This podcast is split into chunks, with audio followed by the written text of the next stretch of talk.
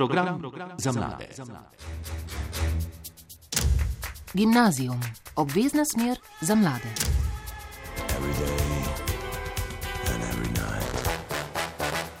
Lep pozdrav vsem poslušalkam in poslušalcem prvega programa Radia Slovenija. Sredin večer je na našem programu rezerviran za mlade in oddajo Gimnazijum. Z vami bova vse do 21. Damjan Rostan za mešalno mizo in Gašpar Stražišar pred mikrofonom. Tema današnje oddaje pa projekt Erasmus Plus mobilnost oziroma pilonovci poznanje tudi v evropske vrce, ki dijakom srednje šole Veno Pilon Ajdovščina omogoča, da svoje izobraževanje na področju pedagogike preizkusijo tudi v tujini. V studiu seveda nisem sam, poleg mene so dijakinje, ki so, so se projekta udeležile in se vam bodo sedaj predstavile kar same. Pozdravljeni, sem Ana Jurca. Živijo sem Erna Štemberger. Lep dan, z vami tukaj tudi Urška Vočinel. E, poleg mladih gosti pa je danes z nami v studiu tudi ravnatelj šole e, Andrej Rutar. Lep pozdrav tudi vam. E, lepo pozdravljeni vsi. Torej, za začetek tele oddaje, dijakinja, dej, kakšna je srednja šola Veno Pilon? Katere smeri programe lahko zbirate, katere program obiskujete vi? Izbi, eh, obiskujemo predšolsko vzgojo, iz, možnost izbiramo pa tudi gimnazijo. Eh, Erna, kaj je tebe pritegnilo, da si izbrala torej, smer predšolska vzgoja, ko si zaključevala deveti razred in se je bilo potrebno odločiti? V bistvu že od malih nog si želim postati vzgojiteljica, me že tako otroci privlačijo in sem kar nadaljevala v tej smeri in sem sledila svojim sanjam v bistvu. Eh, pa ti, Urška, kaj je bila tista odločitev? Um, ja, jaz tudi živim v Ajdovščini, tako da je bila tudi bližina šole ena, ena prednost. Uh, poleg tega pa tudi kot Erna sem imela vedno neko notranjo željo po delu z otroki, me to veseli in tudi na informativnih dnevih me je šola zelo navdušila. Uh, tudi preko drugih, ki so že obiskovali to šolo, so me tudi oni navdušili za to, tako da sem z veseljem se odločila za to šolo. E, pa ti, Ana? Um, tudi isto, rada imam stik z otroki, um, rada sem v družbi, v družbi z ljudmi in pač ta poklic mi zdi, da povze, pove, povezuje vse skupaj tu. E, Erna, če spremljaš recimo dijake, ki obiskujejo splošno gimnazijo, kaj je tista razlika med vašim programom in pa splošno gimnazijo? Imate več prakse? Ja, seveda imamo na predšolski več prakse, torej mi se izobražujemo za nek poklic, medtem ko gimnazija je torej nek splošen del. Uh, seveda imamo uh, v vsakem letniku prakso, ki se pa z letnikom tudi povečuje in seveda se lahko tudi odločimo za prakso v tujini. Uh, Urška, kaj to pomeni, da imate prakso? Torej, da mi se izobražujemo tudi v šoli, ampak svoje znanje teoretično lahko potem tudi praktično uporabimo pri delu z otroki, tudi uh, se dogovorimo in v uh, svojem kraju, v najbližjem vrtu, uh, gremo v bistvu prav fizično v vrtec, smo tam z otroci, z vzgojitelji uh, in uh, v bistvu prenašamo teoretično znanje v prakso. Uh, koliko teh praktičnih dni imate v nekem letniku? Uh, jaz se stopnjuje. Recimo v prvem letniku gremo samo en dan, mal, uh, malo na, samo na ogled, si pogledamo, kako sistem deluje. Sicer mi smo bili zaradi koronskih ukrepov prikrajšani za ta dan. V drugem letniku imamo dva tedna, v tretjem pa potem tri in četrtem je pa še več. No, in v sklopu tega praktičnega usposabljanja se odpravite lahko tudi v tujino, v sklopu programa eh, Erasmus, ki ga šola izvaja že od leta 2015. Andrej, za kakšen program gre in kaj pomeni ta dodatek mobilnost? Uh, Ja, tako je. Od leta 2015 eh, smo že vključeni v ta Erasmus Plus program eh, mobilnosti tako dijakov kot eh, šolskega osebja. To je bilo kmalo po nastopu moje nove službe, ravnateljevanja. Prej sem na tej šoli poučeval in uh, mobilnost predstavlja našo odprtost v ta širši evropski prostor. Ne. Kaj želimo, pa kaj je glavni cilj tega programa, lahko povzamem, za, da pridobivamo izkušnje v širšem prostoru, v tujini, iz uh, sorodnih uh, šol.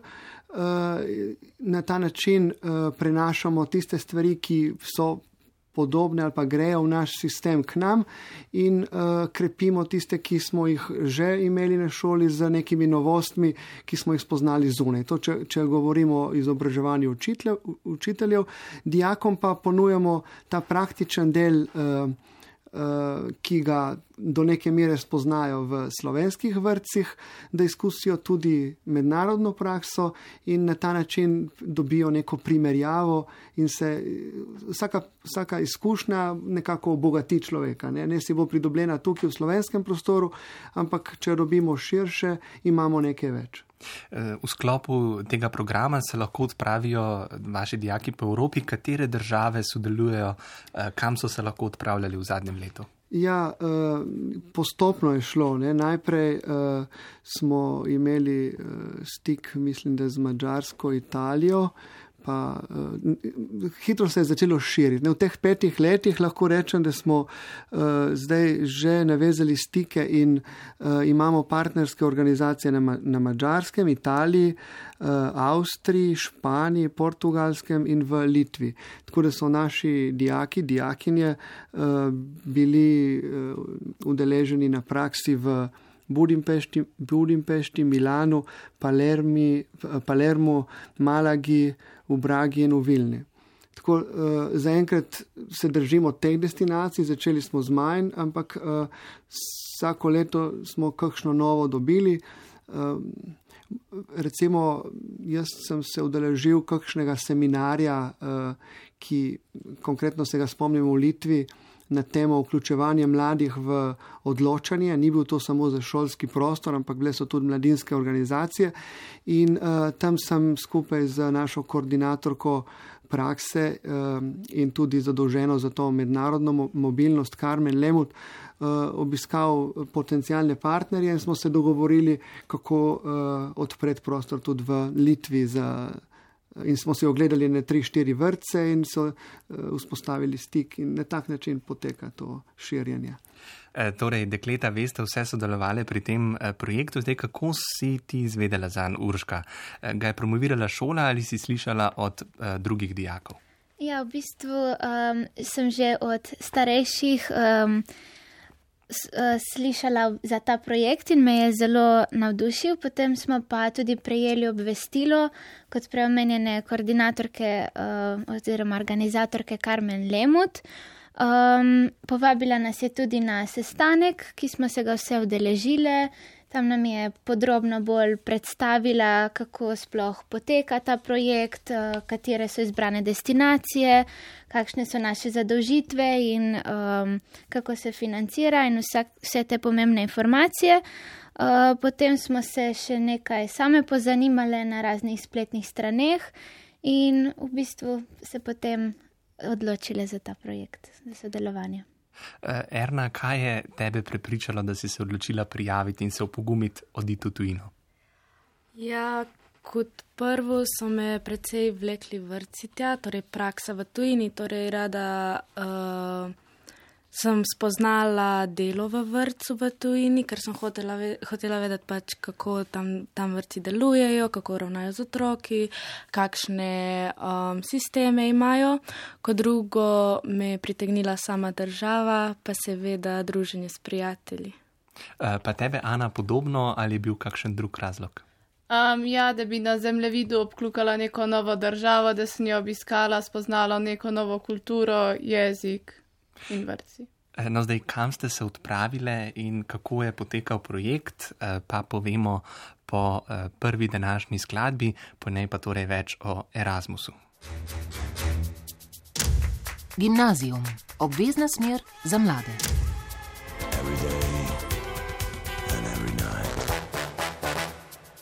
Poslušate vdajo Gimnazijum na prvem programu Radia Slovenija. V današnji vdaji pa imajo glavno besedo mladi Ana Urška in Erna ter ravnatelj Andrej Rutar, beseda pa o projektu Erasmus Plus Mobilnost. Dej, pred glasbo smo že spregovorili, da vas projekt Erasmus popelje v vrtce po Evropi. E, majčkano ste dekleta že povedali, kako ste izvedeli za projekt, pa me sedaj zanima.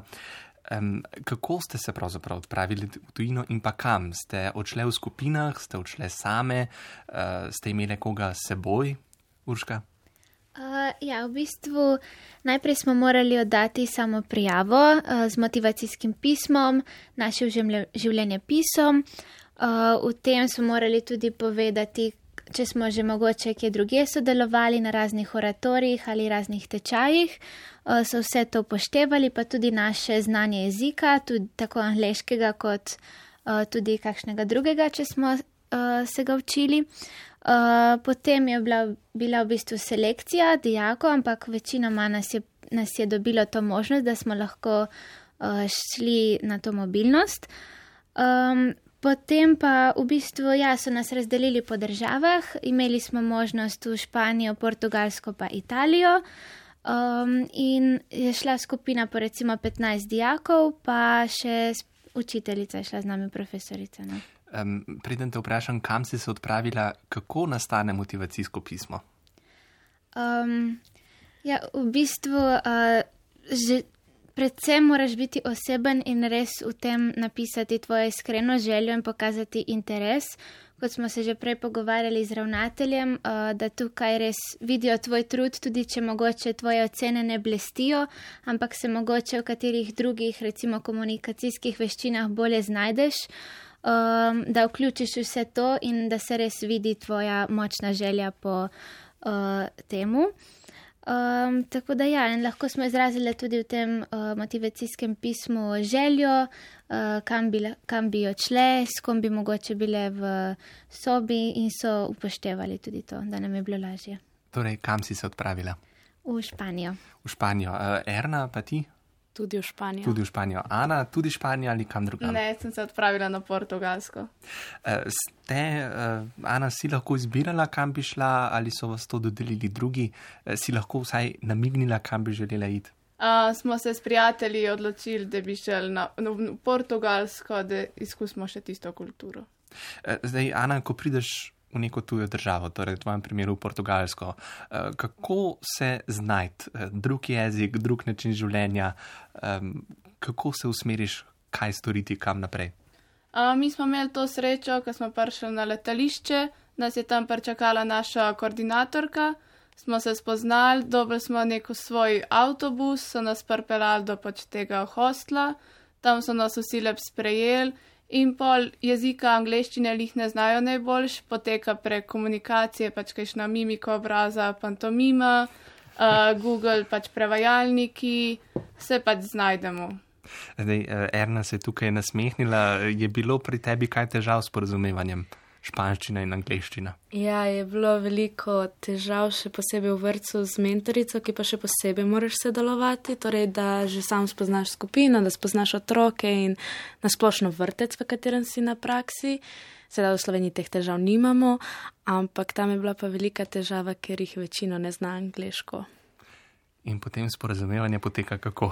Google Translate, pa pantomima, mimika.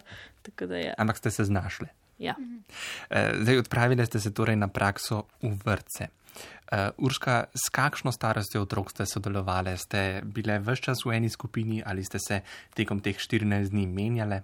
Um, torej, na začetku, prvi dan, ko smo v bistvu šli v same vrtce in so nam predstavili program, smo lahko dijaki izrazili željo, če bi raje delali z otroki prvega starostnega obdobja ali drugega, se pravi mlajši ali starejši otroci smo lahko izbirali.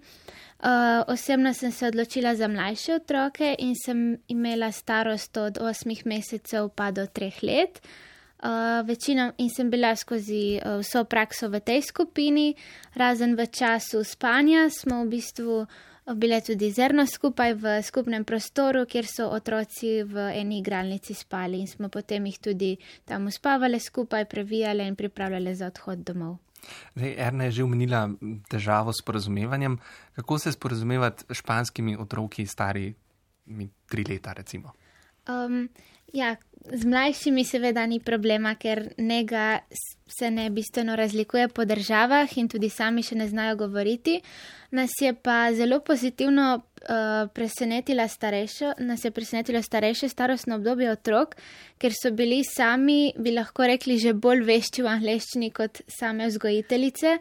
Uh, tako da um, z njimi res nismo imeli problema se sporazumevati. Um, če je bilo kaj, smo jim ali s prstom pokazali, kot je rekla prej Erna, ali s pantomimo, mimiko. Se, smo se lažje znašli kot zvojitelji v bistvu. Uh, Erna, ti si bila tudi v mlajši skupini ali si imela starejšo skupino? Tako je, jaz sem imela najmlajšo deklico 8 mesecev, pa fantek, ki je bil najstarejši eno leto pa pol. Uh, sporazumevanje torej tudi ni bil problem. Ni bil problem. Eh, pa pri tebi, Ana, kako je bilo pa na portugalskem? Uh, imela sem skupino otrok od enega leta do petih let. Um, komunikacija z mlajšimi ni bil problem. Uh, bila je tudi videti, da je pač neka mešanica kultur, uh, da so starši iz različnih držav, to se pravi, da so nekateri že obladali angleščino, uh, nekateri niso niti poznali tega jezika, tako da je ja, pantomima. In gre. Ja. uh, Andrej, zdaj tu menjamo jezike. Kaj vse morajo dijaki izpolnjevati, da se sploh lahko prijavijo v ta program Erasmus plus mobilnost? Ma, po pogovoru z nekaterimi sorodnimi šolami so, sem ugotovil, da so se kar čudili, da si upamo v tako različne države in tako pestro uh, jezikovno področje uh, posegati.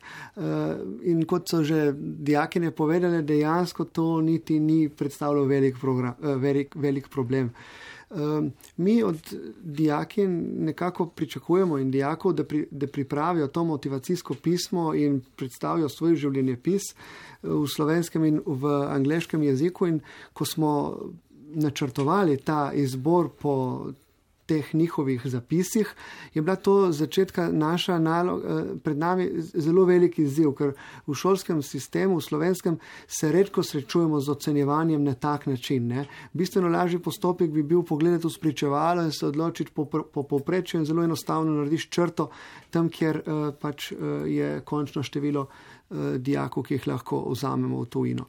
Uh, na, na ta način pa resnično dobimo zainteresirane dijake, že tisti, ki uh, želijo in prosijo, se morajo pripraviti, naučiti napisati uh, življenjepis v, v posebnem obrazcu, pogledati svojo življenjsko pot, uh, jo nekako projicirati v prihodnost, kaj od sebe pričakujejo in zakaj uh, iti v vrtec tudi v tujino, kaj od tega pričakujejo. Tako da uh, dejansko. Eh, tisti, ki so se prijavili, so bili navadno res zelo motivirani. Ehm, zato tudi selekcije eh, zelo velike nismo delali. Takrat, kadar smo jo res mogli, se spomnim, smo eh, določili rezerve in te rezerve so navadno bile v večini tretji letniki, eh, kakšen posameznik iz tretjega letnika, da je dobil pol priložnost še v četrtem. Tako da v teh petih letih uh, največ, kar je bilo potrebno, v šestih, uh, počakati eno leto, da si prišel na vrsto. Uh, je pa res uh, ta, ta selekcija v bistvu in ta, ta pripravljenost bila izkažena prek teh njihovih pisem. Prav je tudi, da se pripravimo s pogovorom. Na začetku smo imeli tudi zunanjo, um, zunanjo osebo, ki je, ki je nam odpirala prve kontakte v tujini in ta oseba je prva leta tudi pripravljala naše dijake na, te, na kulturne razlike, na razlike v prehrani, komunikaciji, življenju. Um, zato, ker pač na to se je treba tudi pripraviti, ko greš v tujino, um, ker te razlike obstajajo. Včasih polne je volja, prihaja prav zaradi takih stvari, kot doma jih ne pričakuješ. Ne. Zdaj to počnemo sami, kot sem povedal, ta um, naša odgovorna oseba za to področje, Karmen Lemut. Uh, dijake pripravi nekaj med poukom, nekaj v uh, skupino, ko se pripravljajo za odhode v tujino. Zdaj, mogoče v tem času bilo še posebna priprava zaradi COVID situacij, ko je bilo nekaj novih pravil in je bilo treba tudi temu posvetiti pozornost. Koliko dijakov ste poslali letos v tujino? Uh, letos smo tam okrog 40 Če, Torej, to je kar velika številka. Ja. Ja. Tudi navadno se te šte, ta številka giblje med 40 in 45. Uh, ja, dejansko tudi letos, oziroma tudi v tem času, ko so, bile, uh, ko so bili, uh, ko so zapirali tujino, uh, tudi v času zaprtja države smo imeli nekatere dijake mi v tujini.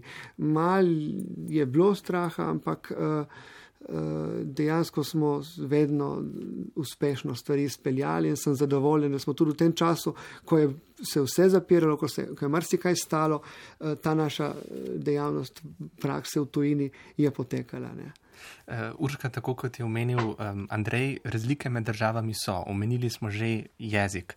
Um, Kaj pa si recimo še ti upazila se razlikovalo med vrci v Španiji, kjer si imela prakso in vrci v Sloveniji, kjer imate prakso vsa leta šolanja? Uh, ja, veliko razlik je. Prva je ta, da v našem vrtu so, sta načeloma vedno uh, pomočnica oziroma pomočnik ter vzgojiteljica oziroma vzgojitelj sta vedno dve osebi. Uh, tukaj v Španiji pa je bila le ena vzgojiteljica na skupino in uh, otrok je bilo tudi bistveno več. V eni skupini, tudi če dam primer, je bilo 25 otrok, od tega šest s posebnimi potrebami, brez spremljevalcev in je imela v bistvu zelo veliko odgovornost ta vzgojiteljica uh, in tudi je zelo hitro delala, uh, enostavno je morala, če je želela celo rutino speljati skozi. Uh, druga stvar, ki sem jo opazila, je tudi same dejavnosti. Pri nas v Sloveniji so res na visokem nivoju, zelo načrtovane, um, vedno stremimo k nekim ciljem, ki jih želimo doseči pri vzgoji. Uh, tam pa je to bilo, bilo v velikem pomankljaju, ker enostavno vzgojiteljica nima časa in tudi s toliko uh, otroci ne more izpeljati uh, teh dejavnosti. Uh, in še ena razlika, uh, ki nas je zelo, zelo presenetila, pa je bila ta, da je bila v vsaki igralnici televizija. In so otroci v bistvu preko celotnega dne imeli prižgano televizijo, ali so imeli pravljice, ali glasbo, ali neke učne vsebine, in se je to tudi zelo poznalo na njih. Pri nas seveda tega ni, razen občasno posebnih priložnostih. Um, predvsej sem opažala na sami koncentraciji otrok, ki je bila skoraj ničelna. Uh, pa tudi sama vsebina igre pri otrocih, če recimo opazujem naše otroke, uh, je vedno neka vsebina, vedno si nekaj domišljajo ali simbolno igro ali igro vlog, tukaj pa so v bistvu samo nekako prekladali igrače z ene strani uh, na druge. In se mi zdi, da se da tudi več poudarka na razlikah med starostnimi obdobji, tukaj je bilo mogoče to malček z, zmedeno če, te, če lahko tako rečem.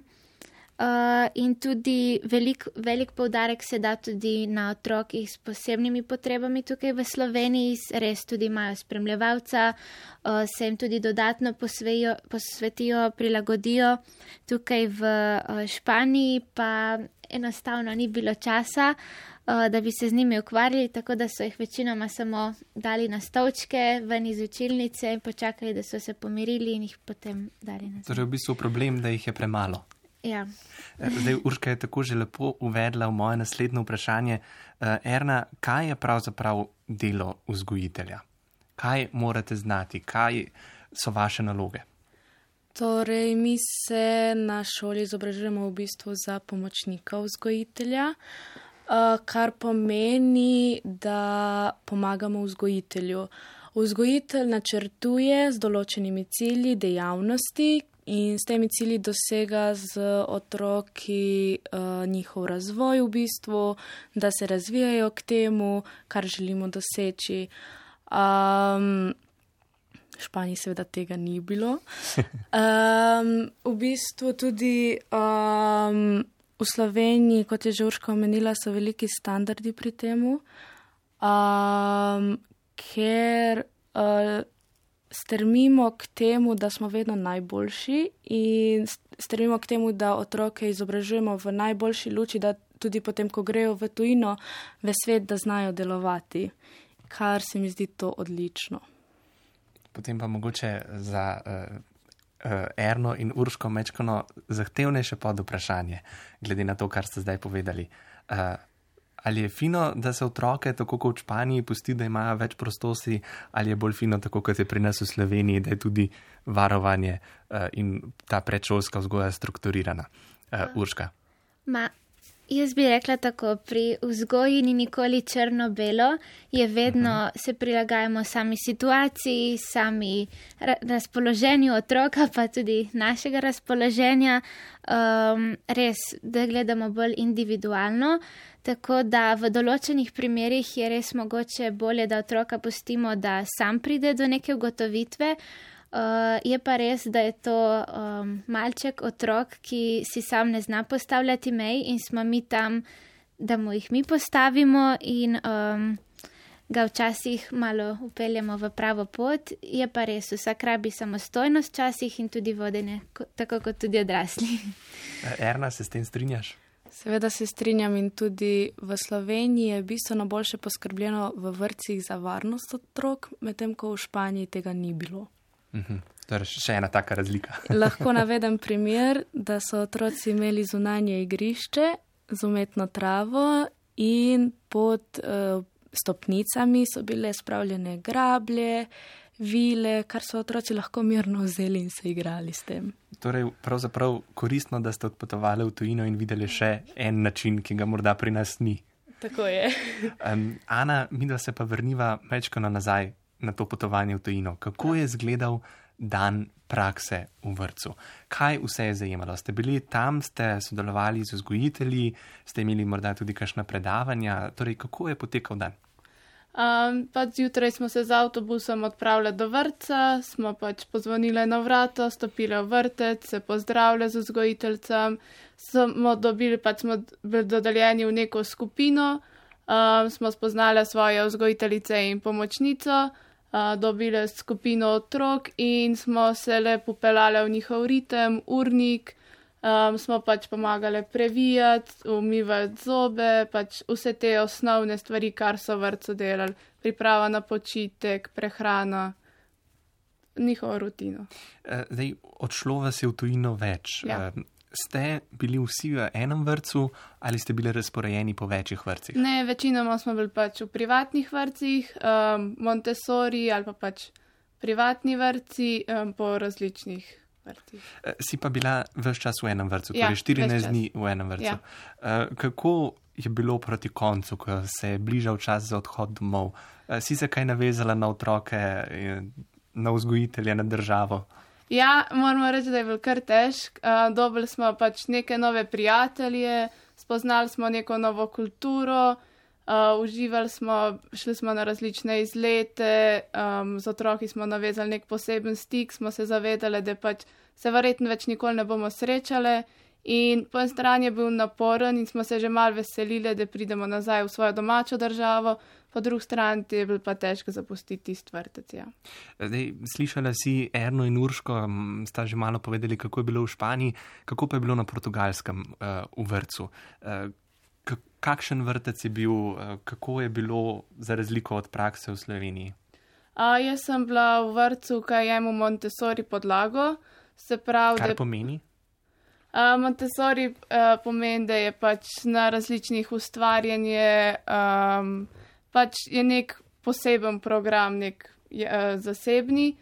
Um, in se je videl, da ima pač neko strokovno podlago, uh, ka z izkušnjami z drugimi so pač vsak vrtec je jemu nek svoj pravilnik, v Sloveniji imamo isto zasebne in javne vrtce in imamo tudi kurikul, kjer so pač te načela in cili, kar v tujini predvsem manjka, nimajo teh načel spoštovanja in takih stvari.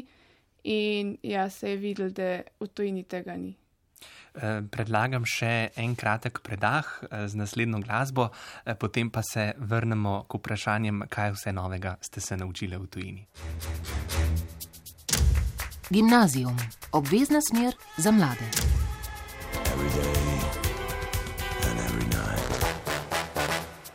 Odaja gimnazijum na valovih prvega je vsako sredo zvečer rezervirana za mlade, njihove glasove in razmišljanja. Tokrat predstavljamo projekt Erasmus plus mobilnost. Dekleta pred glasbo smo že govorili uh, o razlikah med vrci uh, in kako je bilo v tujini. Um, Erna, pa me zanima, kaj novega pa si se naučila, ko si bila v vrtu v Španiji? Najbolj sem se naučila samostojnosti.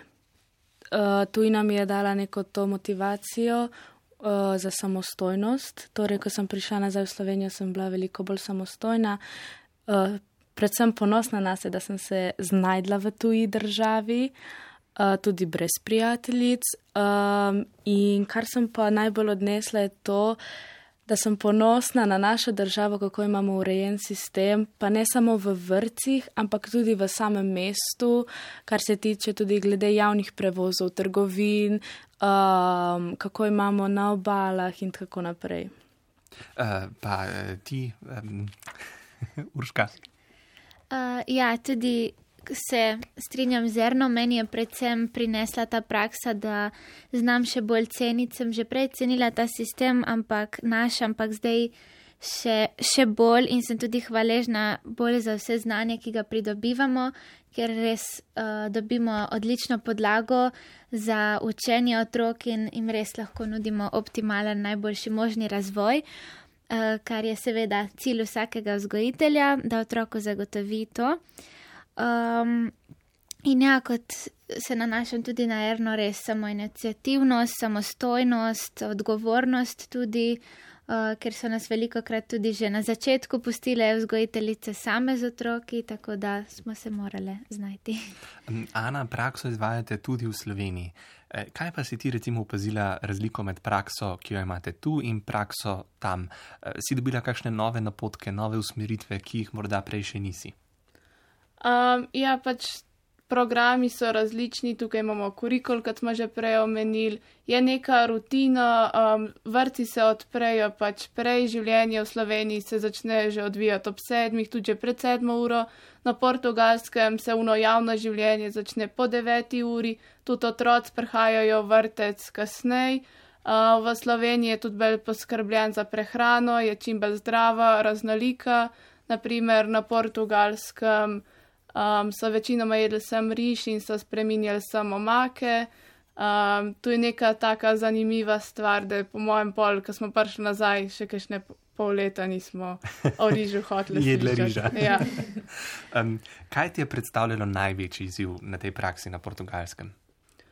Um, tudi sem se bala, da se ne bomo znajdel, ker je pač, pač uh, nismo poznali tistega jezika, oni niso poznali angleščine, niti slovenščine, ne, in smo se bali s to komunikacijo. Uh, pa tebi, Erna, kaj je bil tisti največji izziv? Meni je bil predvsem največji izziv to izziv, kako se bom znašla v tuji državi, pa ne samo glede komunikacije, ampak tudi ta orientacija v državi, v samem mestu. Vseli smo šli v neko državo, ki je večja od Slovenije in mesta so večja od Ljubljane, že v Ljubljani se težko znajdem in najbolj sem se bala, kako se bom tam znajdla. Ampak znašla si se. S pomočjo koordinatorice, s pomočjo profesorice in seveda tudi s prijateljicami smo Google in smo se znašli. Torej je bil to še en dodaten izziv poleg same prakse. Tako je. Eh, pa tebi, Urška? Uh, ja, meni je bil tudi sam izziv, kako se bom znašla, um, kako se ne bom izgubila um, ali ostala sama, mogoče kje. Uh, pa tudi komunikacija sama, sicer sem že prej malo razumela špansko, ampak uh, tudi angliščino smo mislili, da nam bo zelo prišla prav, ampak na koncu nam ni prišla. Uh, tako da je bil to mogoče izziv. Pa, um, tudi se navaditi, ker recimo v naši državi je bolj ali manj, saj čutimo se varno, se ne dogaja take reči, tam je pa potrebno bolj paziti, ne moreš kariti z rudzakom po mestu odprtim in tako. Torej se je bilo vseeno treba mečkano prilagoditi tako, ja. na tujino. Uh, Andrej, kaj vi in vaši učitelji opažate, uh, kaj dijaki pridobijo s tem, ko se odpravijo v tujino, uh, kako se njihovo razmišljanje morda spremeni potem? Ma, mislim, da so dijakine prav zdaj kar povzele te spremembe, ki so jih dosegle z, z obiskom mednarodnih vrtov in odhodom v tujino. Moramo vedeti, da uh, delovna praksa je praksa, ampak to je tudi to je delo, to je ena velika odgovornost. Uh, vsak dan je urnik, uh, začetek, konec dela in vmes uh, uh, zadolžitve. Uh, če ste prej slišali, ne od uh, skrbi za higieno, previvanje, za igro, za. Prej smo se pogovarjali, kako so jim bile vzgojiteljice hvaležne, ker smo tudi mi vnašali v njihov prostor določene novosti, za katere niso bile vajene. In se spomnim dijaka iz preteklih let, ki je prišel domov in rekel, da so mu že službo ponudili tam. Ne. Tako da dejansko, če to prakso in ko to prakso opravljajo v slovenskem prostoru, je do neke mere podobno, ampak po treh se oni vračajo v svoje okolje, v svojim prijateljem, staršem, eh, potrnajo mal, eh, kako je bilo ali, ali kaj ni bilo v redu. Eh, tam pa tega prostora ni, najbližjih ni. Ne? In pri delu z ljudmi imamo gotovo kakšne, kakšna trenja, v tujini seveda se tudi na odnosni ravni pojavljajo lahko kakšne težave in tle so same in jih morajo znati reševati. No, niso čist same, nekako je, so, je že prej uh, Helena omenila uh, mentorja, pa uh, učitelja, spremljevalca, ki sta tam prav zato, da uh, v primeru kakršne koli stiske, uh, težave, dejansko sta nastanjen, saj učitelj, spremljevalec je nastanjen v istih. V istem hostlu, naprimer, kot dijaki in se vsak dan vidijo, ne? ampak vsak ima svoje zadožitve. Tako da jaz mislim, da, kar, da se ta odgovornost nekoliko poveča uh, in jezikovna spretnost, ne samo v smislu tujega jezika, tudi, ampak tudi ta komunikacijska spretnost na ulici, pri iskanju rešitev, če ni avtobusov, pri iskanju težav s prehrano, eh, pri reševanju eh, vprašanj znotraj skupine staršev, eh, drugih vzgojiteljev. Tako ta čist splošna jezikovna spretnost, ki je zelo pomembna, jaz mislim, seveda v tem pedagoškem poklicu, ampak tudi nasploh. Te stvari gotovo se v, v tujini tudi krepijo, ne? samostojnost, odgovornost, uh, jezikovne kompetence. Uh, tako, jaz sem zelo vesel, da to, to možnost ponudimo, ker opažamo uh, velike pluse. Uh, Urška, tako kot je omenil Andrej, kaj so recimo vzgojiteljice v španskem vrtu opazile, da ste vi doprinesle k njihovemu vsakdanu? Mhm. Najbolj so bile presenečene, kot sem rekla prej, je pri nas veliko več vodenih dejavnosti, za katere se tudi precej pripravljajo vzgojiteljice. Uh, tako da so bile vesele, recimo, jaz sem jim prebrala pravljico, muca copatarica, pa razne likovne dejavnosti, tako da so bile zelo vesele za to. Uh, sicer smo imeli res probleme z ohranjanjem koncentracije in sodelovanjem otrok, ampak so bile res hvaležne. Um, Tudi zelo jih je presenetilo in bile so vesele naš odnos do otrok, da smo bile potrpežljive, ljubeznive, da smo jih mogoče so izkoristili, ker je bila še na več, da so se bolj pocrtali pri nas, pa da smo temu namenili več časa, ker normalno s toliki otroki ena vzgojiteljica to ponavadi ne gre. Um, so nam pa bile pri celotni rutini tudi na koncu dneva uh, ker bi navadno vse delo opravile same, se pravi, previle 30 otrok in jih ena vzgojiteljica in pripravila za odhod domov, sedaj smo bile pa štiri, recimo. In uh, nam je bila res vzgojiteljica, ker nas se spomniš, verjetno se nam je veliko krat zahvaljevala, vse do odhoda skozi vrata. Vsak dan, preden smo šli domov, najlepša hvala, ki ste prišli in vsak dan smo jo menili pridemo še jutri. Rekla, vem, vem, ma vseeno, hvala.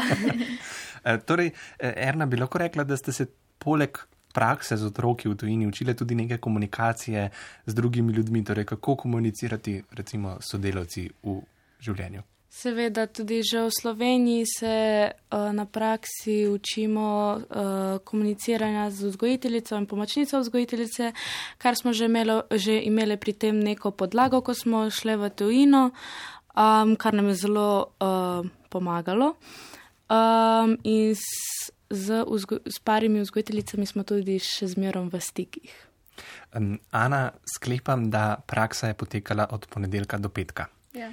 Kaj pa čez vikend? Kaj ste počeli? Ste tudi bili v vrtu ali ste imeli čas za uh, se tako imenovano id turiste? Ne, čez vikend praksa ni uh, potekala.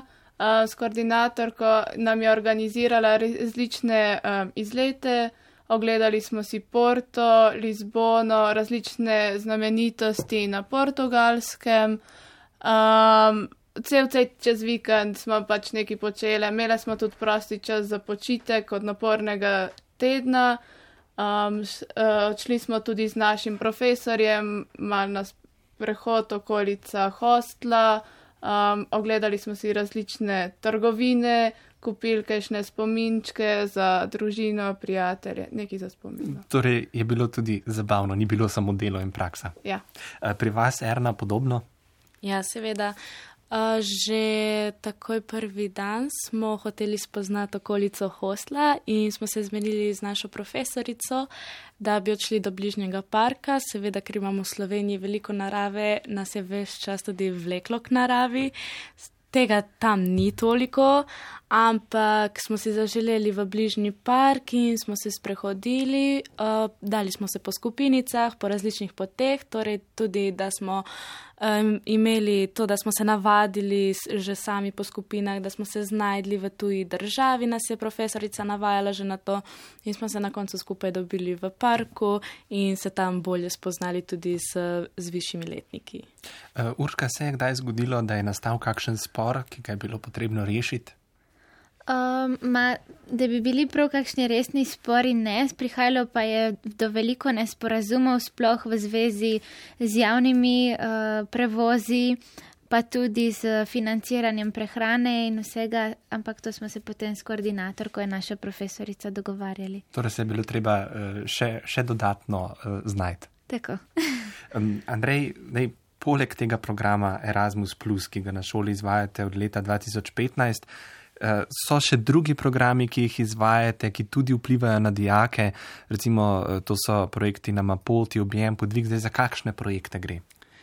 Ja, te tri, ki ste jih omenili, uh, vključujejo predvsem izobraževanje učiteljev. Tako da dijaki se neposredno uh, s tem, uh, s kakšnimi delavnicami na to temo ne srečujejo, ampak posredno prek nekih prenovljenih pristopov, prek nekih novosti, ki jih učitelji spoznavajo, izmenjujejo drug z drugim znotraj našega zavoda oziroma uh, prek mreže naši učitelji dobivajo informacije od izobraževalcev oziroma iz prakse z drugih šol.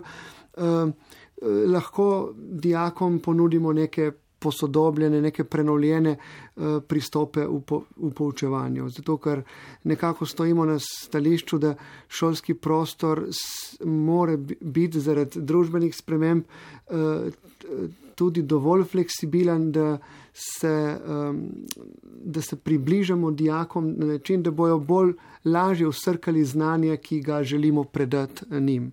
Uh, to so glavni cilji teh projektov. Zdaj, tako, ja. Zdaj, vsi ti projekti in projekt Erasmus, plus, um, mobilnost uh, ter prva zaposlitev na področju vzgoja in izobraževanja so del kohezijske politike Evropske unije. Um. Kaj ste v sklopu tega, projek tega projekta, se pravi, recimo prva zaposlitev, ste zaposlili 11 mladih, mladih učiteljev? učiteljev ja.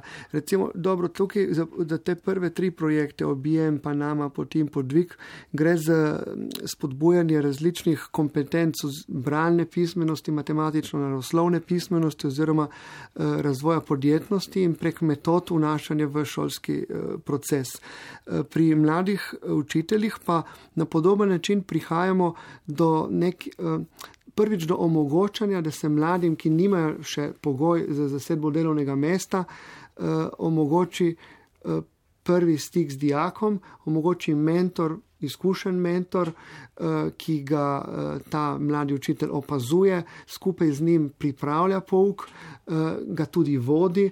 V kakšnem mesecu zmeri več prevzema, prevzema tudi samostojnega dela in na ta način je ta prehod v delovni prostor um, bolj um, mehak in na način, da zmeraj več prevzame mladi učitelj odgovornosti in um, ne pade direkt v razred ali pa v neko, ko rečemo, v vodo in plave, ampak se od izkušenega učitelja, to pa moram jaz poskrbeti, da se tudi zelo dobro pogovorim z mentorjem in smiselno tudi izberem mentorja, da se od izkušenega učitelja čim več nauči in da gre pol neka praksa, ki je pomembna za razred ali pa za šolski modern prostor uh, naprej na mladega učitelja, ker zelo pomembno je, kako se mladi učitelji začnejo uh, svojo karjerno pot. Tudi dijakinje, ki so danes uh, tukaj poleg naju v studiu, bodo čez leto končale ja. srednjo šolo in potem jih čakajo odločitve za naprej in iskanje dela, ja, pot ja, ja. v izobraževanje. Ali imate kakšen projekt na gimnaziji, ki jih usmerja in daje neke uh, smernice, kako naprej? Ja, Zelo pomembno je, da se že tekom srednjega šo, srednjega, srednje šole zavedamo, da nas čaka karjerna poklicna pot v prihodnosti. Uh, dijakine, ki so tukaj z nami, oziroma vse dijakine, dijaki na programu predšolska vzgoja, so to pot že načrt, začrtali. Se pravi, nekako ta pedagoški pristop in delo v vrcih. Eh, predpostavljamo, da je neka njihova usmeritev. Zdaj praksa kaže, da to ni nujno res, ampak da uh, včasih najdejo pot tudi drugam. Uh, za gimnazijske in nič narobeni, ker uh, kompetence in znanja, ki jih dobijo v, v šoli z področja umetnosti, z področja komunikacije, nastopanja, sodelovanja, uh, so prav v tem programu zelo intenzivne. In mi smo se na šoli pogovarjali tudi zaradi teh projektov, ki ste jih omenili, in spodbujajo prav to, ne, ne samo znanje v smislu pomnjenja, ampak tudi na odnosni ravni med dijaki, med učitelji, na področju sodelovanja in, eh, in tako, da so te stvari za, za šolski prostor tudi zelo pomembne, ker če so te stvari pomembne za delo, morajo biti pomembne tudi za šolski prostor, ker samo z nekim vsebinskim znanjem, v, to, to nam je pa dalo sodelovanje z gospodarstvom, eh, samo z, z vsebinskim znanjem eh, si premal dober, konkurenčen oziroma primeren za, eh, za nastopiti praktična delovna mesta. Zato se na naših konferencah, na izobraževanjih to večkrat opozarjamo. Res je, da pač je šolski prostor omejen z maturo, s poklicno maturo, kjer je treba ene stvari pokazati, ampak zavedati se moramo, da so tudi druge stvari pomembne. Eh, in na tem tudi učitelji delati, ko, ko se pogovarjajo, ne si bo uh, razredniki, imamo pač en aktiv razrednikov, kjer razjasnu, razjasnujemo uh, zadolžitve in odgovornosti razrednikov ne samo v smislu gledanja opravičil in dajanja nalog, ampak res vodenje skozi vse štiri leta in uh, en del, uh, kjer tudi uh, razrednik sodeluje, predvsem svetovalno delovko, je uh, spoznavanje poklicov in uh, karjerna pot. Ne, ta, uh, tle smo mogoče znani kot šola, ki smo prvi na tak način vzpostavili projekt Senčanje na delovnem mestu in ga ponudili najprej gimnazicam, ga izvajali z njimi kar nekaj let, zato ker smo detektirali kot velik problem, ker se zdi, kot da gimnazic lahko odloži razmišljanje o poklicu, po drugi strani pa dejansko se uči za zelo različne poklice. Zato je treba poskrbeti, da tudi uh, uči, uh, gimnazica izpostavimo realni delovni situaciji. To nam omogoči. Uh, sodelovanje z Inštitutom za mladinsko politiko, ki nam zagotovi uh, mentorje z gospodarstva in vsak naš dijak ima možnost preživeti dan ali pa dva z mentorjem iz različne panoge, ki ga zanima. In prav letos smo pa to zadevo odprli tudi za program predšolska vzgoja. Ne zato, da bojo senčili vzgojiteljco, ker to že tako ali tako počnejo, ampak če razmišljajo, da bi želeli v drugi smeri eh, svojo karjerno pot eh, nadaljevati. Eh, smo, jim, jim odpiramo tudi to možnost, da senčijo kakšen drug poklic. No, in točno to bo istočnica za zadnje vprašanje, kaj ti približujemo se 21. uri, kar pomeni, da se oddaja gimnazijum počasi eh, zaključuje. Kot je omenil Andrej, recimo Urška čaka vas pot naprej. Sedaj ste tretji letnik, sledi sicer še eno leto in potem naprej kaj te čaka v prihodnje, kaj razmišljaš in kaj si odnesla od te izkušnje potovanja v tujino, kar lahko izkoristiš za naprej. Široko vprašanje. uh, torej, moja želja je vsaj za enkrat postati uh, učiteljica razrednega pouka, tako da bi lahko učila otroke od prvega do petega leta, pa tudi otroke v predšolskem obdobju. Se mi zdi, da iz te šole sem precej odnesla na sami komunikaciji in dobrih odnosih, uh, ker se mi zdi, da se res trudijo za to na tej šoli, med samim kolektivom, pa tudi med uh, uh, sami dijaki, da se med sabo sporazumevamo. Um, predvsem pa nam šola tudi omogoča veliko možnosti, kot recimo sodelovali smo na paradi učenja, pa odšli na vzgojiteljado, pa na razne nastope, imamo tudi razne prireditve, kjer res lahko. Eh, izkažemo tudi naše druge kompetence, naše druga znanja. Uh, in nas seveda to tudi zelo razveseli, ker tudi to potem vidijo v nas in prepoznajo te talente. Uh, s prakso v tujini od tja bom pa seveda odnesla mogoče nekatere pristope, ki so mi bili tam bolj všeč, predvsem pa res to ocenjenje, kako imamo uh, super ta sistem in me še bolj motivira, da izpopolnjujem še naprej in dajem res otrokom vse dobro naprej. E, Erna, kaj se ti zdi, da je tista ključna stvar, ki si odnesla od e, potovanja v tujino in prakse v tujini? Mislim, da sem se predvsem naučila potrpežljivosti v Španiji, ker kot smo se že prej pogovarjali, v Sloveniji je ta sistem zelo urihtan, ne moremo reči. In um, res je vse od ure do ure, medtem ko v Španiji so vsi bolj sproščeni, vse je bolj enostavno. Tudi če avtobus zamuja 15 minut, bomo počakali, ni problema. Uh, Ana, še ti na kratko, kaj si si najbolj recimo zapomnila od tega potovanja? Um, različna potovanja, ki so bile poleg uh, vrca, uh, sama praksa, način kako delujejo v vrtu, da si pač imajo prav posebne prostore za spanje, da imajo tudi povdarek na higieni pri umivanju zob um, in take stvari. Torej, dragi gostje, najlepša hvala. Mislim, da bi lahko še in še govorili, pa nam je zmanjkalo časa. Torej, najlepša hvala, da ste se mi pridružili v Daji, predstavili projekt Erasmus, mobilnost in vašo gimnazijo.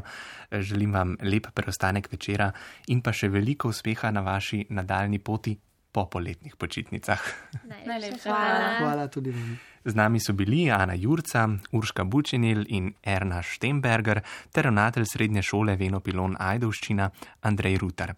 Poslušalci prvega programa Radia Slovenija oddaji že lahko prisluhnete v arhivu oddaj RTV 4D in na naši spletni strani. Za glasbo je danes poskrbela Alja Kramar, da se slišimo je skrbel Damjan Rostan, pred mikrofonom pa sem bil Gašpr Stražišar. Najlepša hvala za pozornost in prijeten večer v družbi prvega še naprej. Gimnazijum, obvezna smer za mlade.